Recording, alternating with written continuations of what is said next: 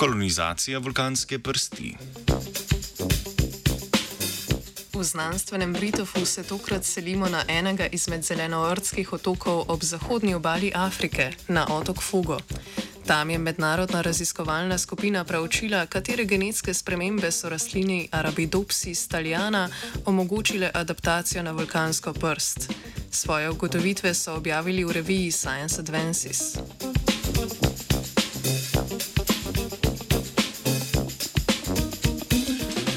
Prilagoditveno okolje običajno niso pogojene le s premembo gena na enem lokusu.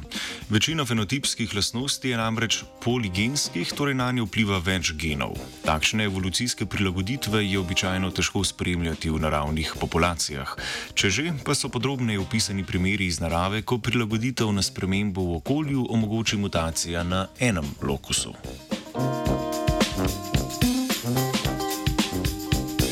Rastlina navadni rapnjakovec oziroma Arabidopsis talijana je na otok Fogo prišla z drugega zelenoordskega otoka.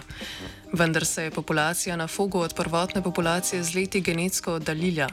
Rapnjakovec se je na novem otoku prilagodil na vulkansko prst z manjkom mangana, raziskovalke in raziskovalci pa so uspeli določiti potek mutacij in njihov vpliv na fenotip. Mangan je tako kot železo kovina ključna za potek fotosintetskih fotosintetskih procesov v rastlinah. Raziskovalke in raziskovalci so že v začetku predvidevali, da gre v tem primeru za kompleksno prilagoditev na okolje, ki so jo omogočile spremembe na genomu, genomu na večjih lokusih. S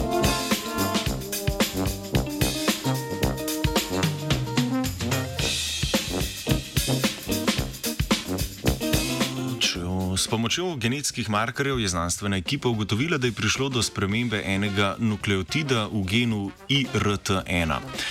Ta gen kodira transporterski protein za prevzem železa, posledica mutacije pa je bila izguba transportne funkcije za železo in večji prevzem mangana iz prsti kljub nizki koncentraciji v okolju.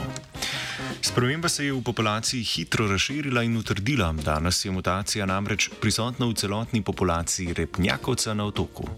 To podpira hipotezo, da se pri prilagoditvi na izredno spremembo v okolju znotraj populacije uveljavi večja sprememba.